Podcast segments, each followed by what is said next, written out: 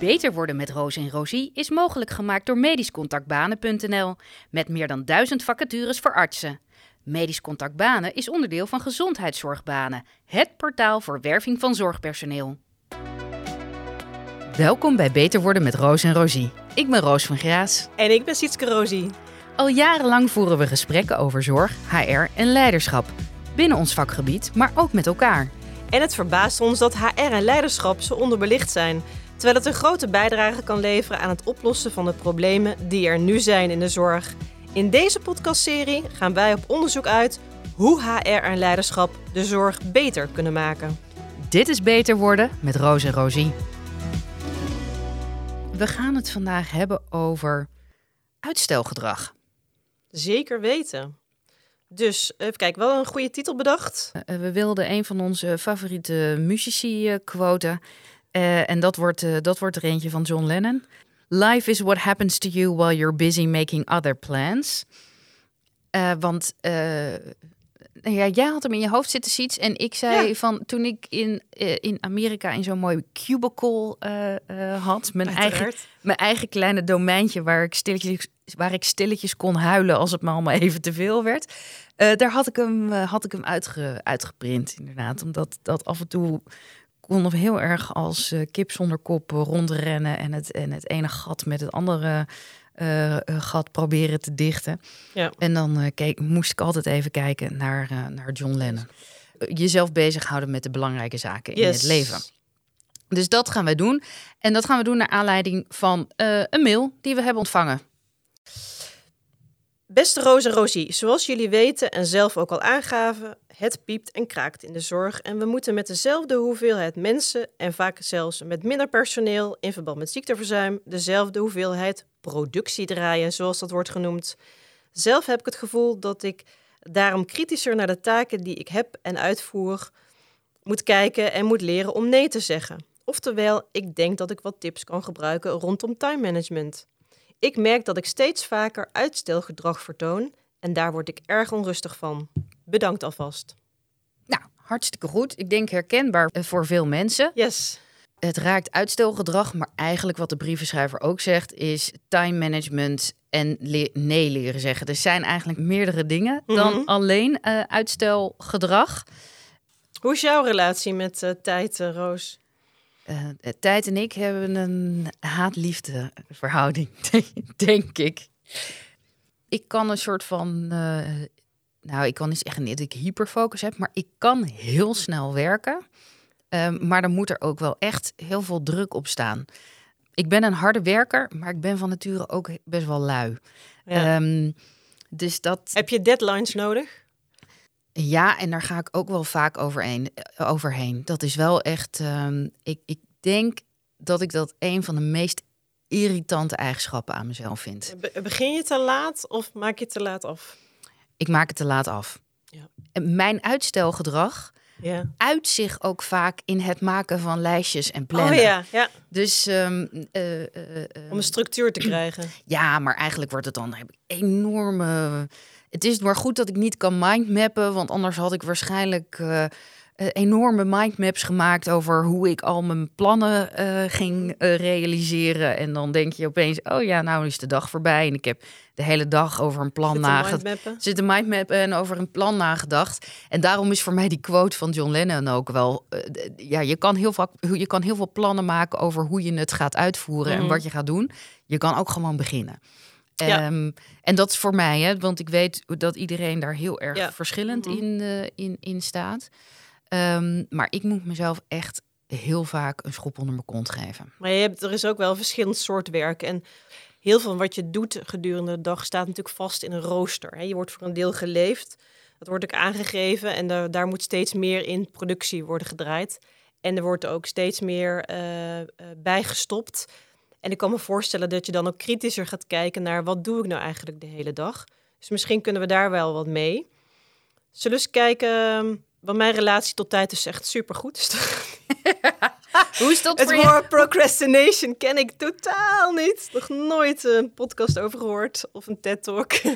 Hoe is dat, maar hoe is dat voor jou? Want ik kan me er voorstellen, als jij, eh nou ja, we hebben het daar wel vaak over gehad, maar als jij op je, in je, in je echo-kate zit, eh, Ja. of in je, in je, in je versla-habitat, Slagtuin, eh, hoe, het ook noem het mogen, maar.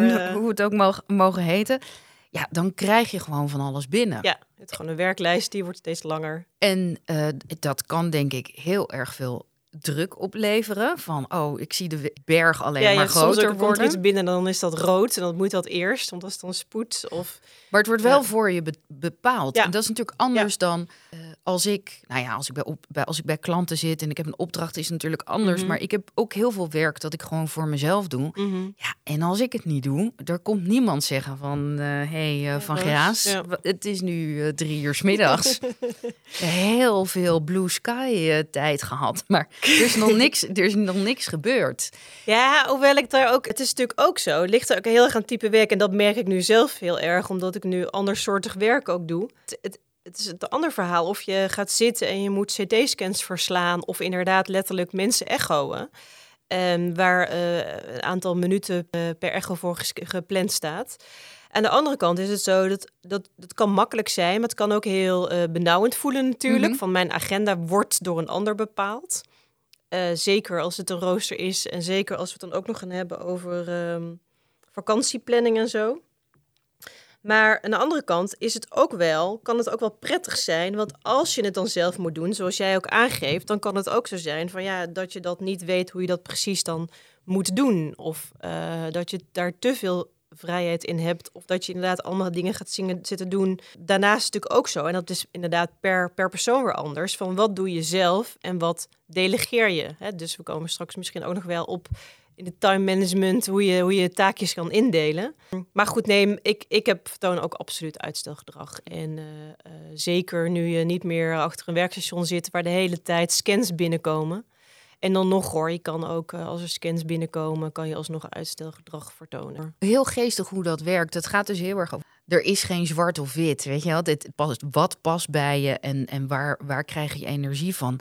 Maar ik kan na zo'n periode waarbij er heel, een heel groot beroep wordt gedaan op mijn zelfstartend vermogen en Ja. mijn creativiteit, denk weet je wat ik ga doen? Ik ga gewoon een dag per week in een koffiebar werken en dan ga ik gewoon lekker de hele dag cappuccino's tappen, weet je wel? En ja, dan ja, eh, ja. gewoon dat Mhm. je denkt van, oh, dan ben ik gewoon bezig Mhm. en dan komt er van alles op me af en dan hoef ik zelf gewoon niet zoveel eh, eh, Nee, na te denken. Nee, dat klopt. Terwijl ik ook weet dat als, je, als dat mijn dagelijkse werk zou zijn, dat ik daar niet zo blij van, van zou worden. Terwijl sommige mensen dat wel heel erg leuk vinden. Hè? Dus ja, dat, dat, en die zouden er weer niet aan moeten Ja, je denken. kan soms als, als, als dokter letterlijk niet van je plek. Je kan als neurochirurg niet halverwege zeggen, nou, ik, ik hou even pauze. Ja, Die precies. staat letterlijk vast. Ja, ja, ja. Ja. ja.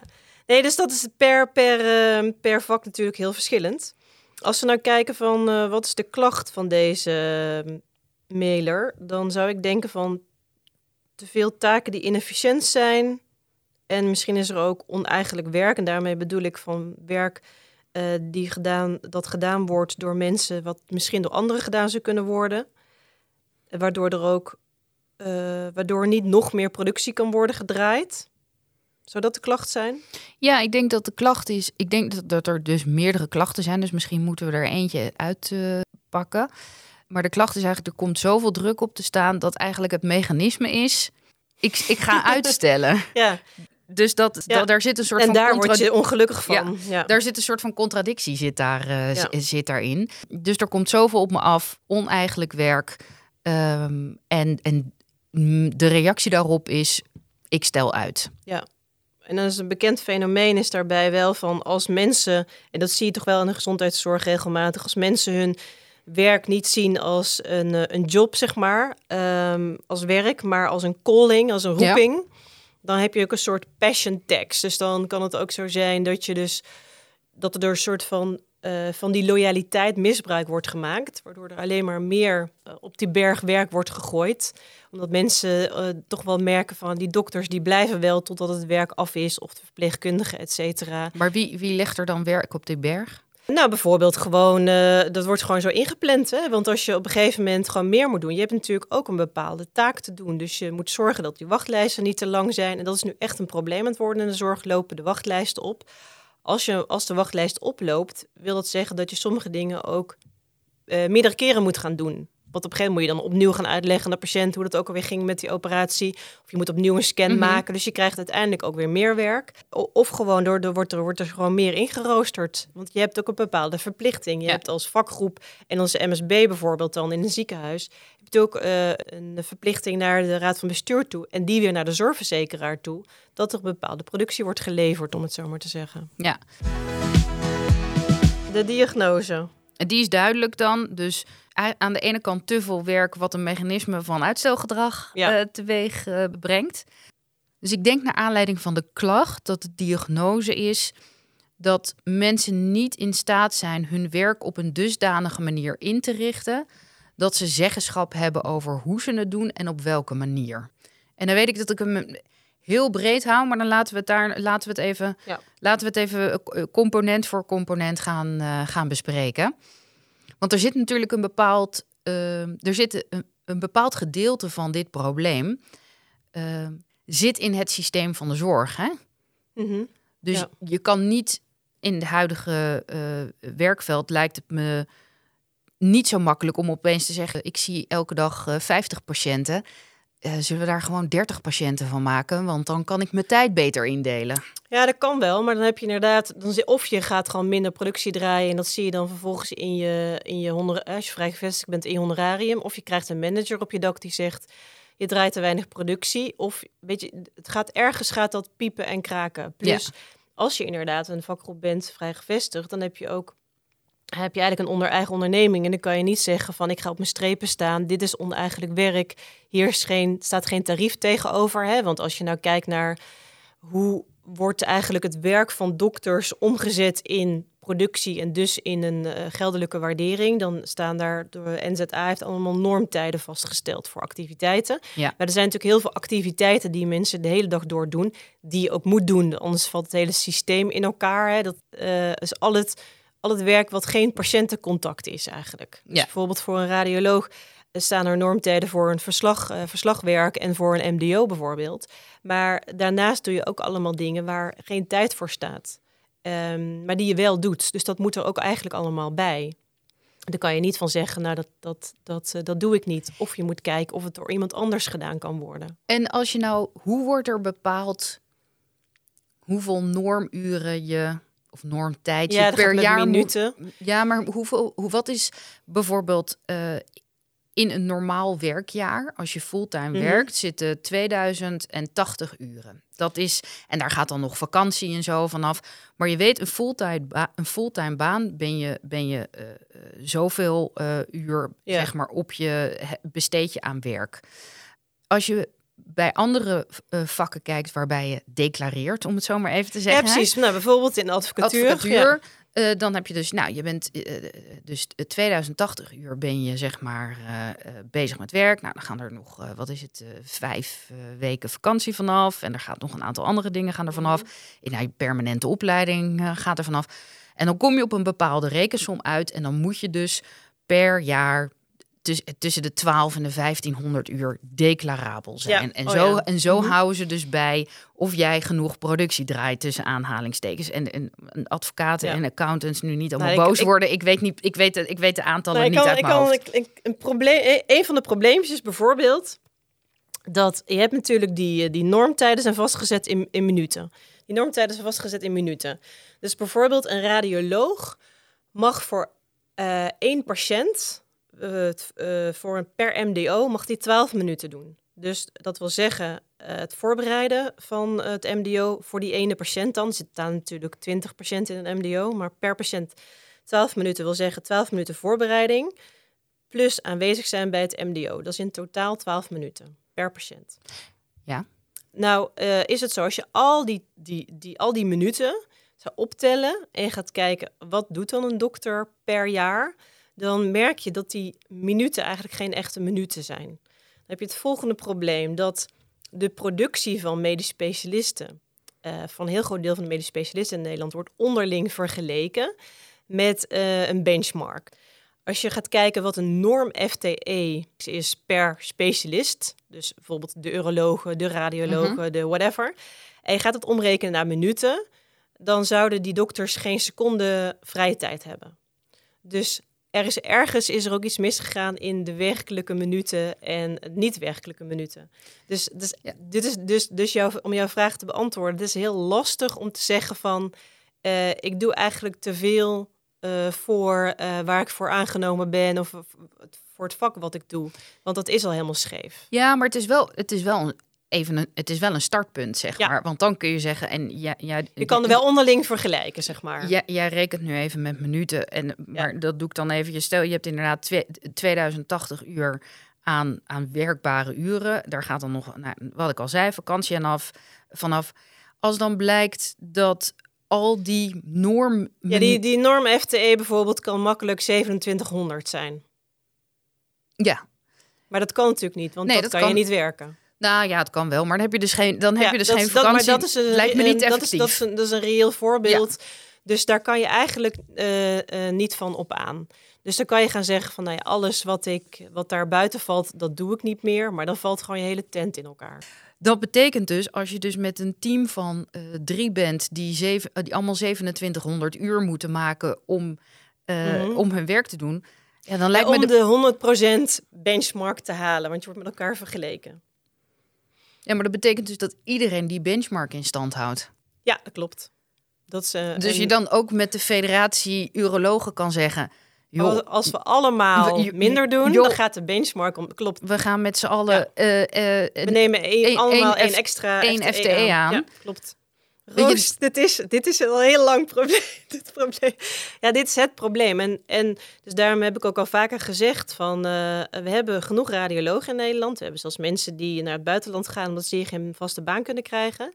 Maar er is gewoon... Want aan die productie hangt ook eh, budget en FTE. Want daarop eh, bepaalt het MSB bijvoorbeeld weer... hoeveel FTE je krijgt afhankelijk van je productie. Ja. Maar je moet dus extra produceren bovenop die benchmark waarin je allemaal met elkaar ieder jaar vergeleken wordt in Ja. het land. Dus niet, je wordt niet vergeleken met Ja. hoe je hebt het jaar ervoor gedaan, maar je wordt ieder jaar opnieuw met elkaar vergeleken. Eh, dus je begrijpt dat er ja, het heel is een veel race werk to is. the bottom. Dit is een race to the bottom. En die, en die race to the bottom is dus eigenlijk al gaande. Ja, want wordt, wordt de benchmark dan ook vergeleken met de benchmark tien jaar geleden? Als je ziet dat een, dat een, dat een normaal FTE, zeg maar, eh, al, eh, Ja, zeg maar tien ja. jaar geleden eh 2200 uur was en nu En nu zeven- zeven- ja. 2700 uur, dan weet je dat er iets niet goed gaat. Ja. Ehm, want als de, de, het, het resultaat van vorig jaar het nieuwe nulpunt is, Ja, Ja, dat zijn, ja en, de- en, daarbij komt dan weer. Dus mijn antwoord is ja, dat wordt inderdaad wel ge- gedaan, maar dat wordt maar voor een deel weer meegenomen in het model. En daarbij is het ook zo dat hetgeen wat je doet, dus het werk is ook complexer geworden. Dus je ziet bijvoorbeeld eh, bij de radiologie zijn de scans complexer, de verslagen, daar moet meer in dan voorheen. De MDO's zijn complexer, juiste zorg op de juiste plek zorgt sowieso voor dat al het al de zorg in het ziekenhuis eigenlijk bijvoorbeeld complexer is geworden. Maar ook voor de huisartsen, want die hebben er ook wat bij gekregen. Dus het is. Los van het feit dat met een, eh, het beter worden van de zorg de casuïstiek van eh, patiënten ook complexer Ja. wordt. Er, er is veel meer overleg, denk ik, ook nodig tussen verschillende specialismen. Zeker. om ja. één, één, ba- ja, één is veel patiënt meer te... comorbiditeit. Ja, Nee, dat klopt. Nee, dus het, is, het, het, het geheel is en complexer geworden. Dus ik benijd de bestuurders ook niet. Eh, dit is ook iets waar, waar, waar heel veel andere podcasts eh, helemaal mee gevuld worden. Van hoe, eh, want dat noemen ze dan het zorginfarct. Hè? Ik, ja, ik denk, maar ik denk dat er wel meer eh, afleveringen van onze podcast een uiting zijn van een probleem wat gaande is. En dus ook mensen die zeggen, ja, ik wil eigenlijk nee zeggen, maar kan het niet, want ik ben heel loyaal. Of eh, als ik dit erbij moet blijven doen, dan eh, kan ik niet meer zoveel productie draaien. Dus dan haal ik die benchmark niet. Ehm, ik moet heel vaak nee verkopen, want de wachtlijsten zijn lang. En ik vertoon uitstelgedrag. En dus het enige wat wij misschien nu kunnen doen, is gaan kijken van wat, wat voor handvaat kunnen wij bieden.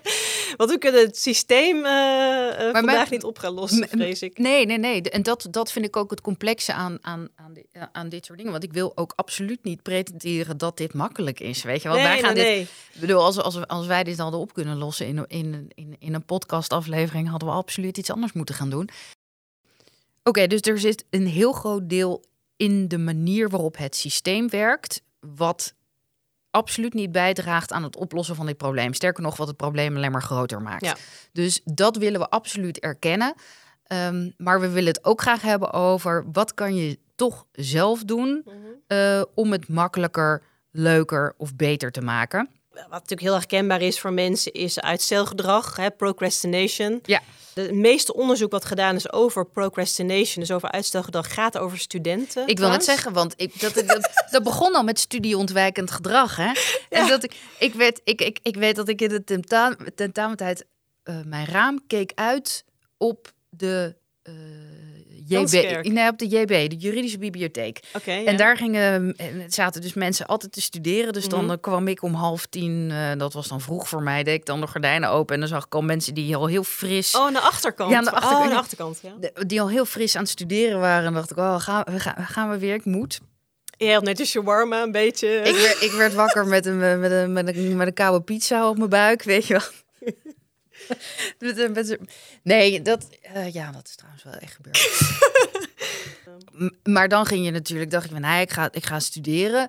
Maar dan moet ik wel eerst even, moet wel mijn, mijn kamer opgeruimd zijn. Want Ja. we hebben een onrustige kamer, onrustig hoofd.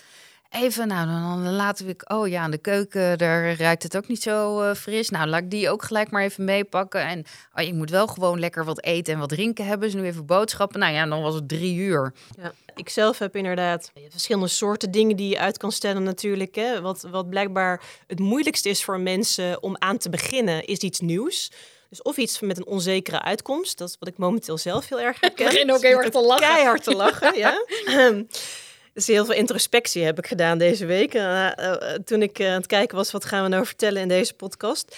Of iets eh, wat je niet zo vaak doet. Bijvoorbeeld de, de lamp is stuk en je moet er iemand voor bellen. Of er is iets in je huis stuk en je hebt er iemand voor nodig. Weet je wel, dat, dat zijn van die dingen die niet geen routine zijn. Dus dat is lastig om dan te gaan doen. Eh, zelf in mijn studie ook. Wat heb ik nou gedaan? En dan moest ik aan denken toen ik eh Rampvlucht aan het kijken was. Eh, die fantastische serie Ja. eh, van onder andere ja, van het productiehuis eh, van Fleur. Fleur Winters. Ik heb tijdens het studeren in Leuven moest ik moest microbiologie of virologie studeren en het is allemaal standwerk daar. En eh, toen heb ik de parlementaire enquête van de Belmramp zitten kijken. In plaats van studeren Ja. over de witte pakken. Dat Ja. vond ik fascinerend. Dat, Ja. Die tv kon ik wel niet meer uit. Maar alles is fascinerend. Zeker als je, ja, Toch? absoluut. Alles is sowieso fascinerender dan datgene wat je op dat moment eh, moet doen. Ja, dan een nebis en idem eh, studie. Ja, nee, dus, nou ja, en ik heb, ik heb het aan de lopende band. En het kunnen kleine en grote dingen zijn. Het is vaak ook zo inderdaad, als iets heel groot is, hè, dan gaan mensen het ook uitstellen. Dan weten ze niet meer waar ze aan moeten beginnen. Dus als het overwhelming is, dus dan is er wel een tip van proberen toch in, in stukjes te hakken. En, en bijvoorbeeld, kijk even, van, kijk even naar jezelf, wat is mijn gedrag? Dus mensen zijn heel geneigd om te leren van, eh, eh, van wetenschappelijke studies en van experts. Maar leren van jezelf is eigenlijk ook best wel slim. Hè? Dus kijken even van, hoe pak ik dingen aan en wat werkt wel voor mij en wat werkt niet? Want zodra je het voor elkaar krijgt om van... eh, om gedrag te automatiseren, dus om er een gewoonte van te maken. Dus als je van behavior een habit maakt, Ja. dan eh, vergt het ook minder zelfcontrole bijvoorbeeld. Ja, en ik moet zeggen, wat eigenlijk tegenwoordig, de tegenwoordige tijd, zei deze oude tas, Ja. helpt ook niet met uitstelgedrag. Want je kan nu natuurlijk uren zitten Ja. scrollen op Ja. allerlei dingen en YouTube-filmpjes kijken. Nou, ik, ben, ik ben echt blij dat ik dat niet had tijdens mijn studie, want dat was echt helemaal één grote catastrofe eh, eh, geworden. Ja. Al, al- als ik eh, wat wilde opzoeken, moest het, eh, moest het nog in een kaartenbak. Ja, eh, nou, kijk maar naar je schermtijd die je iedere week doorkrijgt. En nou ja, dat, dat is op zich ook wel grappig. Er was een, een wetenschapper en die, had, die is time tracking gaan doen met haar studenten samen. En oké, wat doe ik ieder half uur en hoe voel ik me daarbij? Dus Ja. wat ben ik letterlijk aan het doen? Dus niet ik ben aan het werk. Nee, letterlijk wat ben ik aan het doen voor taak? En hoe voel ik me daarbij op de schaal van 1 tot 5? En dan krijg je van, oké, er zijn dingen die, eh, waar je heel blij van wordt en heel ehm eh, fulfilling zijn. En waarvan je denkt, oké, yes, dit is wat ik eh, moet doen en hiermee kom ik verder. Er zijn gewoon essentiële dingen die gedaan moeten worden. Hè? Je kan niet zeggen van, ik doe de was niet of wat ik van wat.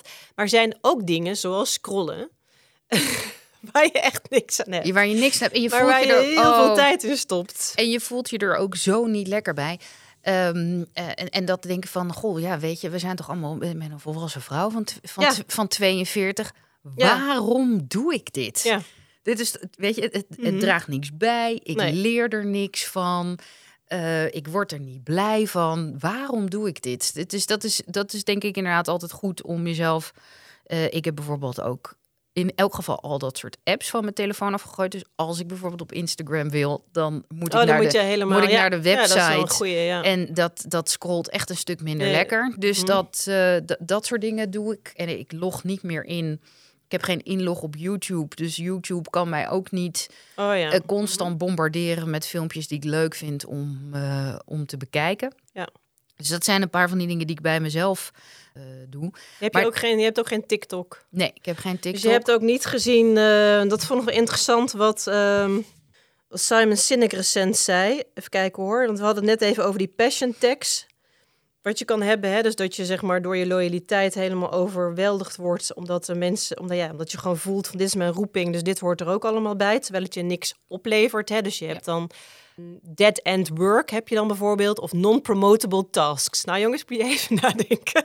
Ja, ik, dat, ja vind, ik vind het allemaal heel Amerikaans, maar ik, heb, ik vind daar dead wat end van. work, ja. Ik vind, ik vind daar wat van, ja. Ja, nee, dat zijn hele.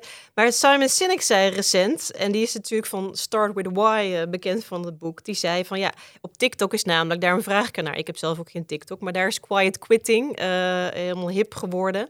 En ehm, de vraag is vooral, waarom is dat nou zo interessant? Waarom, waarom is dat ineens een hype geworden? En dat kan je natuurlijk op verschillende manieren uitleggen. Want als Voor je de, een- even iets voor de mensen die niet weten wat quiet quitting is. Ja, dat is eigenlijk, je kan het op verschillende manieren uitleggen. Want hij zegt bijvoorbeeld van ja, als een junior medewerker, eh, dus bijvoorbeeld, nou laten we even gewoon zeggen, een artsassistent eh, gaat aan quiet quitting doen, dan zeggen we van luister eens, jij doet je werk en niet meer. Hè? Dat is het gedrag wat je vertoont. Ja. Nou, dan ben je eigenlijk niet betrokken genoeg, hè? Want je moet eigenlijk ambitieus zijn en meer doen dan alleen maar hetgene wat je opgedragen is of hetgene wat in jouw taakomschrijving staat.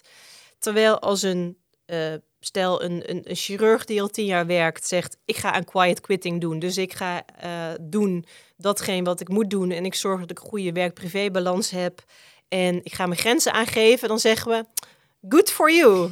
Ja, maar da- daarom, vind, daarom vind ik er dus ook wat van. Mhm. Er is, denk ik, er ergens zo, ehm, nou ja, eind jaren 80, begin jaren 90, het, het idee ontstaan dat werk een onderdeel van je identiteit moet zijn. Hè, en dat is misschien bij, bij artsen nog wel veel meer en van Ja. oudsher zo, omdat dat inderdaad een soort van roeping kan zijn. Gewoon je werk doen, daar is op zich natuurlijk niks mis mee. Dus Nee, waarom dat associëren met quiet quitting? En natuurlijk ja, kennen dat we is de verkeerde term. dat, natuurlijk zijn er, zijn, er, zijn er mensen die een soort van met echt minimale inzet eh, eh, de rit uitzitten. Eh, die hebben voornamelijk zichzelf ermee. En ik kan me voorstellen als organisatie, als je heel veel van dat soort mensen in je organisatie hebt werken, dat dat, ook echt ja, je, je cultuur en je bottomline eh, negatief eh, beïnvloedt. Ehm, maar het is wel weer een beetje de flavor of the day. Nee, En- die- de term quiet quitting is namelijk is, heeft een negatieve annotatie. En eh, nou ja, dat, volgens mij kan het, is het juist ook iets waarvan ik denk... en misschien ook wel door de pandemie, hè, Ja. want het komt uit het bedrijfsleven, deze term. Ja, maar Misschien ook dat wel mensen- heel Amerikaans. En want- heel Amerikaans. En dachten van, nou je luister eens, ik realiseer me nu tijdens de pandemie, nu ik thuis werk... dat ik eigenlijk ook wel eens wat meer tijd kan besteden aan andere dingen dan mijn werk. Ja, en ik denk een, een aantal dingen. Ik denk dat als je kijkt naar. eh, een ander punt wat je net zei was dat die non-promotable tasks. Ja. Eh, Wat bedoelen we daar nou precies mee? En waarom moet elke taak noodzakelijkerwijs Nee, promotable er zit zijn? natuurlijk iets in van wie zijn nou de mensen die dat altijd doen? En zit daar verschil in? En wat is het resultaat? Want dan, dat komt natuurlijk omdat er volgens een probleem is geweest. Van ja, zij is altijd degene die, eh, eh, en als ik zeg expres zij, want er zit natuurlijk ook weer een hele genderdiscussie achter. Ehm, want wat je uiteindelijk je performance laat zien, hè? want ehm, eh, waarop word je afgerekend, wil ik zeggen? Ja, je wordt bijvoorbeeld in een academische wereld afgerekend op je publicaties. Niet of je allerlei leuke, interessante bijeenkomsten hebt georganiseerd. Eh, Dus dat is een beetje, dus die, die, die, die, die harde productie die je dan niet draait omdat je uh, dead-end work of non-promotable task doet. Ja, dat wordt niet gewaardeerd. Dus daar zit natuurlijk, daar zijn ze gaan terugredeneren van, hey, hoe komt dat nou? Ja, dat komt omdat ik allerlei dingen doe die andere mensen niet doen, die wel die promotie krijgen. Zo zijn ze dat natuurlijk gaan terugredeneren. Ja, maar ik heb toch het idee. Kijk, want ik vind oh, bijeenkomst ligt er een beetje aan wat voor bijeenkomsten, maar bijeenkomsten organiseren. Uh, is, leerzaam, is, ja. nee, maar is gewoon een, een waarde toevoegende activiteit. En ik denk dat dat echt wel gezien wordt. Ik denk dat non-promotable task, wat daar ook vaak mee wordt gezegd, is doelloze administratie en mm. allerlei andere dingen. Maar er zijn gewoon heel in elke baan is 30% gewoon niet zo leuk. Nee. Weet je, en dat, dat, en ik zeg nu 30%, maar er is, er zijn geen banen, denk ik, of je, maar er zijn denk ik geen banen in mijn ervaring waarvan je zegt, dit is 100% leuk of dit is 90% leuk. Mm er zijn, ik denk dat een, een significant gedeelte van elke baan, dat je daar niet zo heel veel energie uit krijgt. Ja, maar dan, en ik denk dat dat hoor ik ook wel meer. Kijk, als je dus van dat uh, buiten die 30% om steeds meer moet gaan doen, wat nu aan de hand is in de zorg, dan is het super irritant als bijvoorbeeld het administratiesysteem niet goed werkt. Of als uh, het, de spraakherkenning van de radioloog niet goed werkt. Dus die, de irritatie wordt steeds groter. En dan kan ik me voorstellen dat je dat soort dingen waarbij je dat nodig hebt, bijvoorbeeld gaat uitstellen. Mhm. En dan zegt Mark Twain van, uh, uh, if your job is to eat a frog, doe dat dan s ochtends. En als je er twee uh, moet eten, begin dan met de grootste. Maar op een gegeven moment heb je een heel bord met frogs, met kikkers. Ja. En dan denk je van, nou weet je, ik, dat ding zet ik wel buiten neer. Ja, Mark Twain heeft duidelijk nog nooit moeten inloggen. Dus dat... nee, moeten inloggen op, op. Maar goed, even terug naar, uh, naar, de, naar de mail. Uh, nee, dus uitstellen. Wat kan je daaraan doen? Nou, we, hadden een paar, we hebben een paar tips gegeven. Dus ga ook bij jezelf te raden van wat werkt voor mij en wat, doe niet, wat niet. En ook, dat vond ik ook wel een grappige die ik las. Wat je ook kan doen is als je iets moet doen, je kan het in kleine stukjes knippen. Je kan uh, iemand vragen van, hey, uh, check eens bij mij of ik dat wel gedaan heb. Hè? Dat je een soort accountability partner hebt. Maar je kan natuurlijk ook een soort pre-mortem doen. Dat je zegt van, oké, okay, uh, dit is wat ik moet doen. Dit is wat werkt voor mij. En wat kan er allemaal misgaan? Dus dat je gewoon letterlijk even ervaart en voelt van... waar ben ik nou eigenlijk bang voor? Wat kan er allemaal misgaan? En hoe er, wat is het ergste dat er kan gebeuren? En dan kijken van, oké, okay, ja. op wat voor verschillende manieren kan ik het aan gaan pakken? Ja, met daarbij het voorbehoud dat een premortem. Uh, dat je er ook voor moet waken dat dat niet een halve dag uh, gaat kosten. ik, ik ben met één ding bezig wat gewoon echt alle energie uit me zuigt. Ja? Het heet de podcast Roos. Nee, het, ik ben met iets bezig wat gewoon echt niet leuk is. Wat helemaal niet zo niet leuk hoeft te zijn. Weet je, de, mm -hmm. maar door alle omstandigheden Oh, ja. negatieve ja. mensen, is het gewoon echt een energiezuiger. -hmm. Ik moest iemand bellen, had ik helemaal geen zin in. In plaats dat ik die persoon nou gewoon gelijk bel en dat telefoontje van een kwartier doe, ga ik eerst lopen mailen. Ik bel je, um, ik bel je, ik bel je vanmiddag. Oké, okay, dat had ik ook gewoon gelijk kunnen doen. Dan vanmiddag wordt half zes.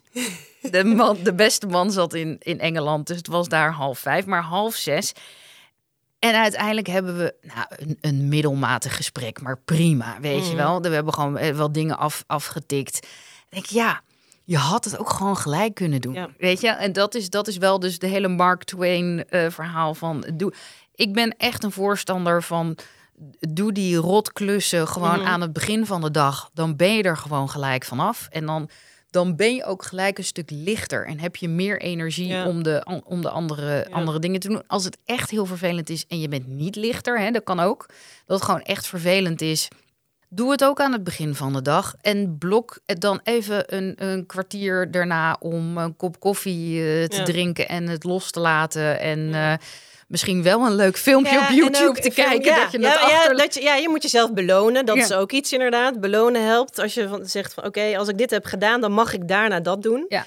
En, en draai hem ook af en toe om. Hè? Want we zijn natuurlijk heel geneigd om onze zelfwaarde te hangen aan hoe productief we zijn. En eh, hoe succesvol we zijn, hoe productief we zijn. Mhm. Terwijl eh, de vraag is, want het is natuurlijk, dat is ook een, een, een bodemloze put, hè? Kan dat zijn? En draai hem over toe om. Van, denk van, oké, wat is voor mij een fijne dag? Ja. Hè, denk dan van, oké, een fijne dag is voor mij als ik eh, samen met mijn gezin heb gegeten. Of een fijne dag is als ik heb gesport. Fijne dag is als ik eh één rotklus heb gedaan en één klus waar ik, weet je, dat soort Ja. draai, hem, draai hem om. En niet alleen maar, want iedereen heeft aan het eind, mensen kunnen super slecht inschatten hoe lang iets duurt, hoe moeilijk iets is, hoeveel tijd ze hebben over twee maanden. Iedereen denkt ook dat hij over twee maanden meer tijd heeft dan nu. Dat gaat gewoon heel lastig, dus wees ook wat milder voor jezelf. Ja. ja, en ik had een oude, een van mijn eh, oude bazen die zei altijd: Het komt toch nooit goed uit, dus we kunnen het beter nu doen. Precies. Ja, maar ook als, als mensen vragen van, dat is, eh, dat is eh, ook wel leuk als mensen vragen van, zou je dit willen doen? Want dat gaat dan meer over nee zeggen. Bedenk je dan van, zou ik dat deze week nog kunnen of willen doen? Want soms zeg je ook ja, omdat je denkt, nou, tegen die tijd heb ik daar wel zin in, of heb ik daar wel tijd voor, of ik wil geen nee zeggen en het is nog niet nu. Dit geldt dus voor iedereen. Hè? Dus ik bedoel, ik begrijp heel goed dat binnen eh, eh, de zorg een hele complexe problematiek speelt. Maar Mm, te weinig, weinig, tijd, ja. hebben is een probleem van iedereen. En de vraag is inderdaad, hoe ga, hoe ga je daar nou mee om? Ja, maar het gaat er ook om. Kijk, want als jij zegt, ik heb te weinig tijd. Dus ik, ik ben zelfs een boek dat heet Fucking Druk. Eh, want dat is, dat, het lijkt wel een soort hype, hè? Dat het tof is om te zeggen dat je het super druk hebt of ja, zo. is niet tof. Nee. is gewoon niet tof. Nee, is gewoon helemaal niet tof. Nee, maar dat is ook een ding. Want ik Ja. ben druk, dus ik ben productief, dus ik ben succesvol. Dus ik weet niet wat er allemaal achter zit. Ik heb het liefst zo rustig mogelijk. Ja, dus precies. Iedereen, iedereen is druk. Maar als je gaat zeggen, ik ben druk, ik ben druk, ik ben druk. Ja, dan word je het vanzelf. Precies. Of dan ervaar je het in elk geval. zo. exact. Want dit, wat je zegt, dit is een probleem van, of wat ik zei van, dit is een probleem van iedereen. Eh, en dan, we hebben, het over, we hebben het de afgelopen paar keer ook over leiderschapscursussen en trainingen gehoord. Hoe vaak ik niet heb meegemaakt dat we een super gaaf programma hadden eh, eh, opgesteld op het gebied van leiderschap of tijdmanagement of coaching, waarbij mensen echt tools kregen om ze op de lange termijn te helpen. En je altijd afmeldingen kreeg, een dag van tevoren, twee dagen van tevoren. En er waren er hotels in Indonesië, alles was er al geregeld. Ik red het toch niet, want ik heb een superbelangrijke meeting. Of ik een, en denk je, nou, is waarschijnlijk niet belangrijk, maar urgent. Ehm, Of niet eens, hè? Dat is gewoon de wa- of, of het is gewoon de waan van de dag. Dus het probleem speelt overal. Je tijd beter indelen of meer doen in dezelfde tijdsspannen kan op een aantal eh, manieren. Of effectief zijn binnen dezelfde tijdspannen, kan ik beter zeggen, kan op een aantal manieren. Eén is je tijd beter indelen. Te- twee is effectiever werken binnen eh, eh, Mhm. de tijd. Bepaalde tools eh, eh, gebruiken. En nee zeggen. Ik, eh, of delegeren. delegeren, ja. Dus bepaalde Ja, dingen want die niet heel, zelf heel doen. we gaan dan weer in kwadranten spreken, maar die Eisenhower box, als je hem googelt, mensen, dan, dan kan je hem allemaal vinden. Maar dat gaat eigenlijk over urgent, niet urgent en belangrijk, niet belangrijk. Ja, dus als we beginnen inderdaad met, met hoe je je werk beter kan indelen of je tijd beter kan indelen, dan heb je inderdaad twee assen met urgent en niet urgent. Of eigenlijk begin je, begin je bij niet urgent en urgent eh, en, en niet belangrijk belangrijk. En het rechterboven kwadrant is dan urgent en belangrijk. Dat is gewoon doen, Doen, en, ja. en nu doen. Ja, dat, dat begrijpen we Ja. als dokters. Ja. Ja. En dan heb je dus urgent en niet belangrijk, wat zeg maar linksboven eh, Mhm. staat. Dat is eigenlijk, kijk, kan ik dit delegeren eh, aan, aan iemand anders om, Mhm. om nu te kunnen, kunnen doen? En als dat niet kan, ja, dan, zou je, dat, dan zul je het zelf moeten doen. Maar kijk of je het kan delegeren. Dan heb je belangrijk, maar niet urgent. Daar moet je dus tijd voor inplannen. En die tijd ook heilig eh, maken. Dus Ja, de belangrijke dingen. administratie kan dat zijn. Dat kan administratie zijn, maar dat kan ook een bepaalde strategie-sessie zijn. Of als je leidinggevende bent, gesprekken met je, eh, met je mensen, hoe het eh, daarmee gaat en het coachen. En, DO's, periodiek overleg. nou, Ja. dat, dat, soort, dat soort dingen. En, en dan als de laatste kwadrant heb je is niet, niet urgent en niet belangrijk. En is gewoon niet doen. Nee. Dat is niet doen. Maar dat is wel even heel essentieel. De niet doen Dus- vakje bestaat ook. En de vraag is inderdaad, wat is nou echt belangrijk en wat is nou urgent? Mhm. Het invullen van je omzetbelasting is niet urgent. Eh, of en je inkomstenbelasting. Totdat eh, de Totdat- panic monster komt, zoals Tim Urban hem Ja. noemt. Ja.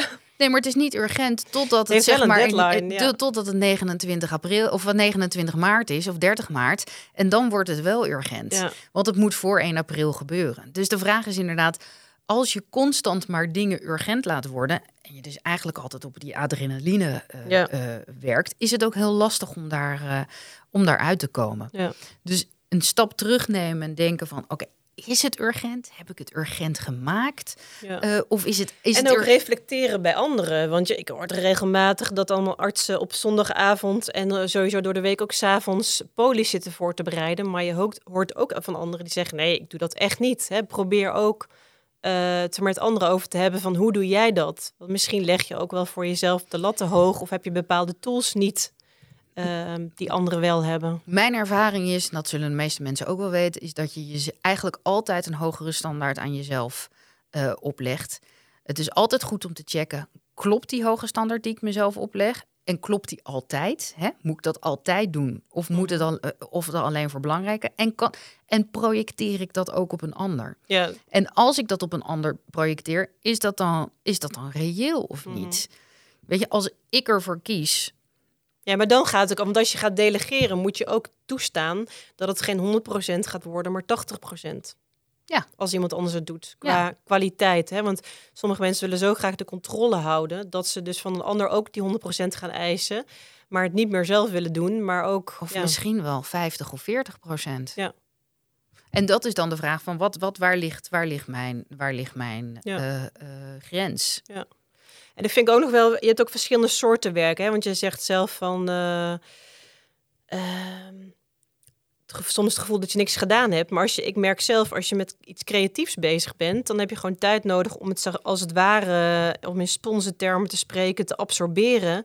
Vervolgens ook te incuberen, dan tot een soort inzicht te komen en dan te produceren, het letterlijk op papier te zetten. En wat ik namelijk bijvoorbeeld doe, is eh, bij het ontwerpen van keynotes en dat noem ik ook letterlijk ontwerpen, dan ik begin heel erg op tijd met eh, de eerste ding, maar ook niet te vroeg. Want op het moment dat ik begin, dan gaat mijn hoofd aan de gang. En dan stopt het ook niet meer tot de deadline. Mhm. Soms begin ik ook expres. Dat denk ik, oké, zoveel weken van tevoren begin ik ermee. Dan activeer ik mijn hoofd over datgene wat ik, eh, waar ik een keynote over moet gaan geven. En maar dan merk ik dat ik inderdaad, dat er echt een soort incubatietijd is. Ik zoek dingen op, ik, ik, ik zet dingen bij elkaar. En dan krijg je ineens, zie ik, ga ik verbanden zien. En, maar dat is heel iets anders dan gaan zitten en eh, Typen. CT-scans verslaan. ja. Ja. Nee, ja, je moet wel, eh, want dat is een ander verhaal inderdaad. Je moet op een gegeven moment wel beginnen met typen inderdaad, want dat maakt ook, hè, schrijven is sowieso, hè, de, je ordent je gedachten door schrijven. Dat, Ja. eh, dat, dat vind ik heel erg. Dus dat is, dat, dat, dat is ontzettend handig. Dat is iets anders dan een hele lange to-do-list eh, maken, maar het, eh, dingen op papier zetten, ordenen, ordent je gewoon wel echt, eh, echt je gedachten en je ideeën, absoluut. Ja, en ik, ik, dat, geldt, dat geldt voor mij ook. Toen ik van een corporate baan voor mezelf ging werken en ik heel veel verschillende dingen eh, eh, tegelijkertijd ging ja, doen. naast elkaar, ja. Dat betekent dus ook dat als ik hoe je werkt, dat dat ook heel anders kan zijn. Dus ik kan rustig inderdaad een ochtend door het bos gaan lopen. Mhm. En aan het eind van de rit heb ik de opzet van een Ja. leiderschapsprogramma. Ja, nou, dan moet, wij hadden vorige week een telefoongesprek, hè? ja. En aan het eind van het telefoongesprek zeg jij tegen mij... Zo, nu ga ik wat doen. En toen zei ik... Nou, ik vond het altijd een hele waardevolle brainstorm-sessie. Nee, dat, dat, dat was ook. Was, ik, moest, ik, moest wat, ik moest wat anders doen naar van een andere kant. Maar dat, maar dat, maar klopt. Maar het feit dus dat je productief kan zijn op een andere Ja, manier ja, door- door buiten een bos te lopen. door- Ja, niet zittende Helemaal. achter je, achter je bureau en, en, en voor een beeldscherm eh, is ook belangrijk eh, om, eh, om te rond. En dan snap ik als je in de patiëntenzorg zit. Ik denk dus dat het heel goed is om dus jezelf af te vragen: oké, waarom doe ik dit? Wat draag ik hierbij? Is dit de beste manier en kan het effectiever of kan het eh, efficiënter of kan iemand anders dat beter doen? En ik denk ook dat het belangrijk is om het laatste punt van, de, van die vier die ik net aanhaalde nog eventjes te benoemen. Is welke tools kunnen mij hierbij helpen? En uh, ik heb bijvoorbeeld in mijn vorige baan kreeg ik uh, veel mails. Mm Heel veel van mijn werk speelde zich af via de mail. Dus dat betekent dat ik per dag, nou, tussen de 150 en 300 mails kreeg. En die ook allemaal moest beantwoorden. En ik heb toen een hele praktische, uh, ik heb ooit een hele praktische Outlook training gehad over hoe je inbox te ordenen. Namelijk eigenlijk meer gewoon gebruiken als Google. Dus gewoon uh, één mapje inbox, uh, to do, done en hold for later. En, en daar zeg maar alles op ordenen. En ik heb geleerd hoe je met sneltoetsen zeg maar een, een, een mail snel in een, in een, in een, in een folder kan plaatsen. En ik heb geleerd hoe je dus met bepaalde sneltoetsen um, mails kan ordenen en beantwoorden. Dus dat je niet elke keer um, met je hand moet typen en dan met je hand naar een muis moet en dan moet klikken en moet slepen. Dus in een, dat, dat komt met, met bepaalde toetsen. En dat is de meest praktische uh, training die ik ooit heb gehad omdat het mijn mailtijd met eigenlijk wel een uur per dag of zo naar beneden uh, uh, haalde. Omdat het hele kleine dingetjes van elke keer maar iets met je hand doen, uh, dat dat mij heel erg hielp. En ik denk dat het hetzelfde is voor jou, uh, of radiologen of andere mensen die moeten verslaan met spraakherkenning bepaalde dingen doen. Dus dat je gewoon in kan spreken en dat dat vertaald wordt naar, mm naar tekst. Dat dat gewoon dat dat heel erg helpt. Ja. Nee, dat Kijk, ik, en ik benijd zeg maar, de, de poortspecialisten en de huisartsen en alle andere dokters en zorgprofessionals die, eh, die luisteren naar onze podcast niet. Want was van de week zag ik iemand op LinkedIn die ging even aangeven op wat voor via welke kanalen hij communicatie binnenkrijgt. Nou, dus het is mail, zijn ziekenhuistelefoon, zijn eigen telefoon. Um, in het EPD zit een inbox. Vervolgens had hij nog CIILO, daar had hij een groeps app. Dan had hij nog een. Uh, nou ja, en het ging maar door. Ik denk dat die man wel tien dingen had staan. Hoe die zeg maar communicatie binnenkreeg. Ja, maar ik denk dus ook dat je daarin keuzes kan maken. Dus bijvoorbeeld uh, groeps apps of zo. Of hoe communiceren we met elkaar? Ik zet bijvoorbeeld altijd mijn Teams chat zet ik uit. Gewoon of of ik, oh ja, je kan me je ja, je kan me via de mail bereiken. Slack. Ja, dat, dat doe ik ook niet aan. Maar je kan me via een aantal, punt, uh, via een aantal platforms bereiken, maar ik ga niet alles openzetten. Um, en, uh, en zeker ook niet. En hetzelfde geldt dat bijvoorbeeld ik de meldingen van mijn, uh, van mijn groepschats altijd uitzet. Oh ja. um, sowieso de meldingen van mijn inbox, van mijn e-mail zet ik uit. Mhm. Ik zet alle, alle notifications uit, want alle meldingen die je krijgt, haalt je uit je concentratie. Ja, en dus niet continu, want ik heb ook al radiologen meegemaakt die dus aan het verslaan waren en hun uh, Outlook open hadden staan. En die ook meteen wisten als de Outlook-server eruit lag. Maar die dus bij elke mail daar ook op gingen reageren. En nu is het zo, als je als radioloog aan het verslaan bent in een scan en je wordt onderbroken, dan duurt je verslagtijd vervolgens iets van vijf minuten langer, omdat je eruit bent. Dus ja. het is killing voor je productiviteit. Nou ja, mensen kunnen gewoon niet multitasken. Weet je, nee, ze kunnen snel bestaat. Nee, snel je kan auto rijden en, een pot en onze podcast luisteren, ja, maar dan houdt het ongeveer je kan uh, strijken en, en weet je, je kan heel veel dingen. Nee, maar je kan geen twee dingen tegelijk nee. doen.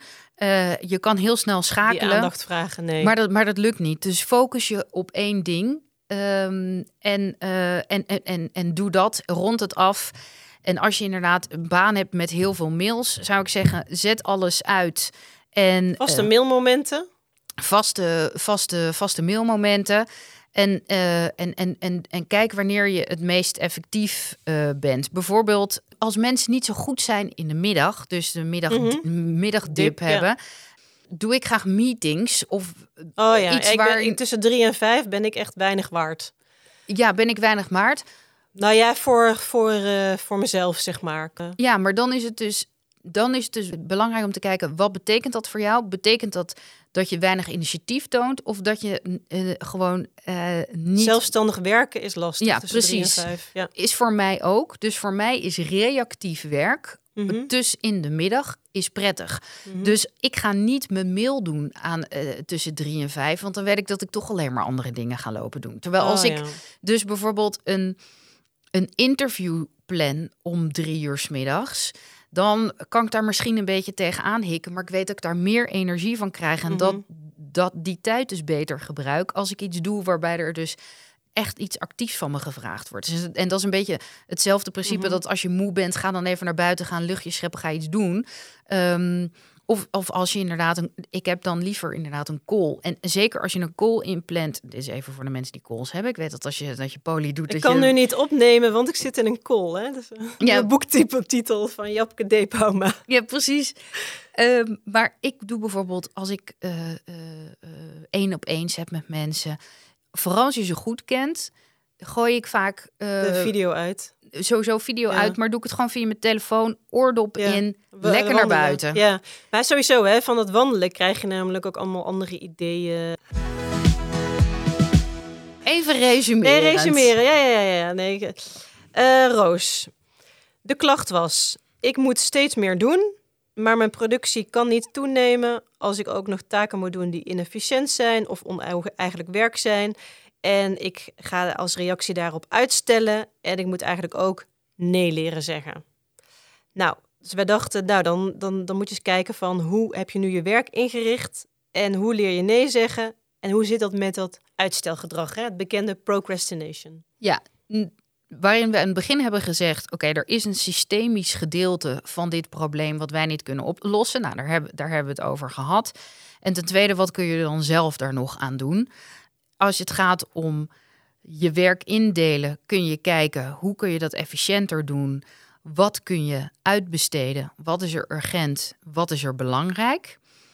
Wanneer doe je welk werk? Hè? De- dus eet je die kikker eerst op eh, eh, of, of, of stel je hem uit? Wat zijn voor jou de triggers om uitstelgedrag te gaan vertonen? Eh, en hoe ga je om met die triggers? En hoe haal je ze wellicht ook, eh, ook weg? Welke tools kunnen je daarbij eh, bij helpen? Wat maakt het makkelijker? En, en wat ziet ze ook, eh, ook aanhaalde van oké, moet het altijd 100% zijn? En kunnen we met een beetje mildheid naar onszelf kijken? eh, en, en, en erkennen dat dit voor iedereen een struggle is. Zeker met alle eh, eh, Ja, afleidingen. precies. Hebben het er ook over met anderen. En Ja, maar niet te veel, want anders dan.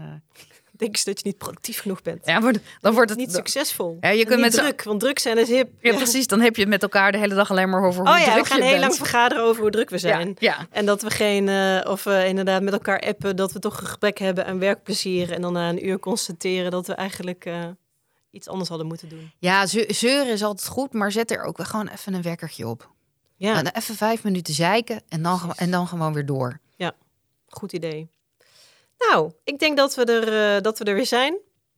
We hebben genoeg tijd hieruit gespendeerd. Time flies when you're having fun. Ja, en, eh, And life eh, happens while you're busy making other plans. absoluut. Ehm, heb je vragen, opmerkingen, feedback? Stuur een e-mailtje naar info@roosenrosie.nl. Dat is Roos en uitgeschreven en Rosie met een Z. Eh, daar kun je ook meer informatie vinden over wat wij nog meer doen behalve podcast maken. Ehm, en heb je natuurlijk een vraag die je in deze podcast behandeld wil hebben, kun je die ook sturen naar dat mailadres. Hartelijk dank voor het luisteren. Dit was Beter Worden met Roos en Rosie.